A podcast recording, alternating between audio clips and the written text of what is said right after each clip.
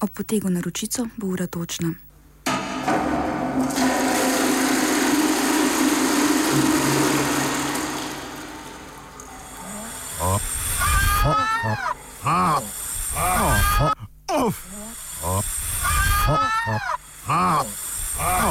Offside.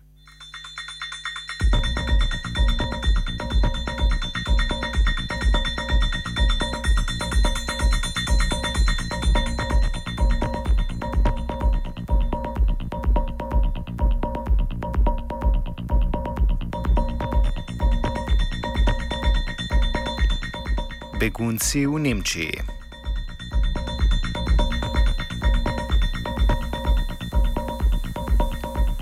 Pretekli teden so v javnost pricurljali posnetki in fotografije, ki so prikazovali nasilje nad prosilci za azil v begunskem centru v kraju Burbach blizu Kölna v Nemčiji.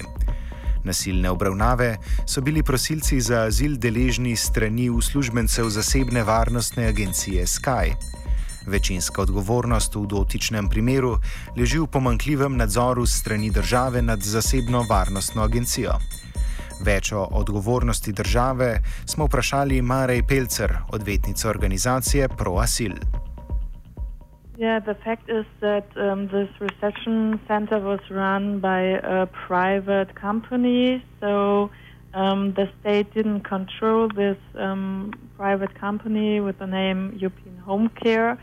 And um, this private company just uh, they take anybody for the job of security service. They don't really look is this person a racist person, a person um, that uh, has a record or something like that. So we accuse the state um, for not controlling such private uh, companies that are um, yeah uh, providing uh, such reception centers. Od začetka nemirov na Bližnjem vzhodu je val beguncev dosegel tudi Nemčijo. Ta je namreč ena izmed držav, ki je doživela največ begunskega priliva. Reakcija države pa je bila podobna, kot jo lahko vidimo v ostalih evropskih državah. O naraščajočem številu prosilcev za azil in beguncev govori Hajo Funke iz Otto Sur inštituta za politične znanosti. Refugees pouring in, especially from the Syrian uh, civil war.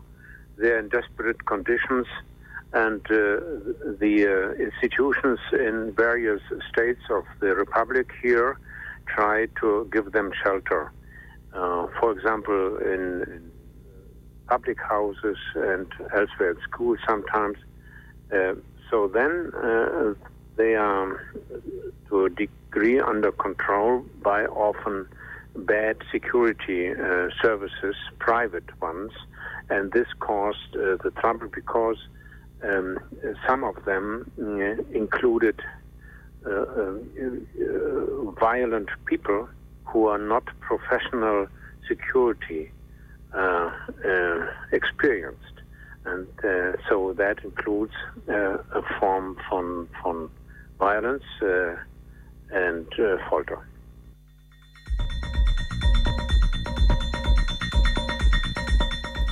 Kako točno poteka postopek integracije beguncev, nam pove Regina, pripadnica Voice Refugee, ki je proces prilagajanja občutila na lastni koži. Yeah, in German, uh, the refugees out there, they are mistreated. They are treated not like human. Uh, the human, when it comes to the human rights, the refugees are completely forgotten. They, their welcome is to go to the asylum camp and they're, they're mixed together, uh, disregarding their nationalities, their cultures, their traditions, and uh, they, do, they really don't have a voice in the asylum camps. When they come here, they're not represented uh, by lawyers, legal services, like in many other European countries. They are on their own. And uh, you have to do an interview, whether you like it or not. And they decide what language you speak. Sogovornica še posebej izpostavi večje nasilje nad begunkami. Especially the women refugees, the man, the men are mishandled. They are brutally handled. It doesn't matter where they come from because they are looked at as foreigners, people who come here to interfere with their social uh, services. There is a violence uh, between the, the, the, refugees and the securities or the officers that are put in place there. They sexually abuse the women, they sexually harass the women, and um, the authorities turn the blind eye or turn the other way because they do not want to um, to hear of it. It's like if they support the refugees, that means we have a right here. We have a right of say, of freedom of speech, which we don't have. It is very true. There is violence in the in those refugee camps, and it is most of the time ignored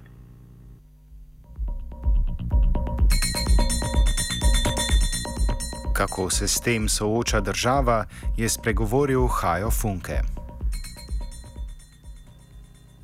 Uh, that again differ, differs from uh, from town to town, from city to, to city. Um, uh, there are uh, there are laws for that. So basically, they get food, they get shelter, uh, they get health care. Um, but all in all, it's an overload because uh, of the uh, of the of the numbers of refugees, and so they have to to be creative to to extend the shelter to new waves of refugees, and uh, they can, and they are a bit slow to realize that. Mm, and uh, normally uh, they have to ad- adjust to the uh, to the laws uh, who are maybe different, but all in all, they have to have shelter, they have to have food, they have to have uh, uh health care. Uh, it's not the best situation because they are isolated, they are traumatized, and it would be much better if they get um, more help, more help by the civil society, and more help by uh, though, uh, by those institutions who can deal with uh, traumas.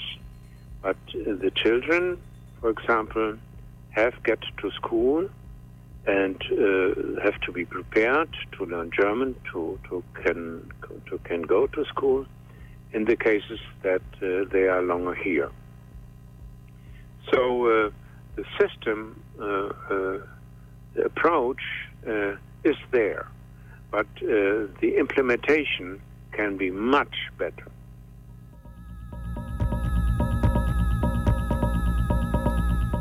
Nemčija je bila tako v preteklosti, kakor tudi danes, namreč priča številnim protestom in akcijam namenjenih izražanju sovražnosti do beguncev. Takšnim akcijam seveda sledi reakcija, saj so v nemških mestih prav tako prisotne demonstracije, ki skušajo kontrirati ksenofobnemu dojemanju in obravnavi prišlekov iz Bližnjega vzhoda. Podobnemu dogodku smo bili lahko priča prejšnjo soboto, ko se je odvil zaradi omenjenih posnetkov nasilja nad migranti. Funkeja smo zato za konec vprašali o vplivu naraščanja števila beguncev na njihovo obravnavo. That uh, that uh, depends on the situation. You can't say because there are more refugees, there are more far-right movement. That's too simple. Uh, part of the uh, of the violent uh, right-wing movement is going down, even. But in that cases, they try to use it for their for their aim of of uh, putting down the whole republic, the neo-Nazi right-wing movement. But all in all, uh, they are to a degree in the last years reduced.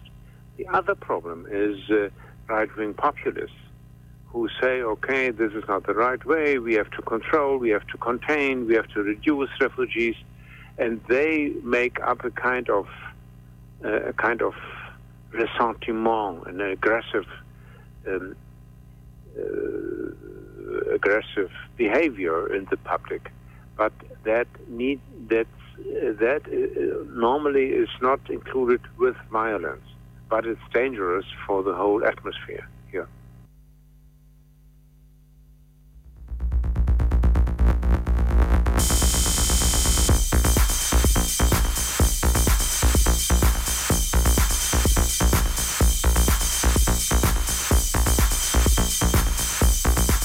Offside je pripravil Tit.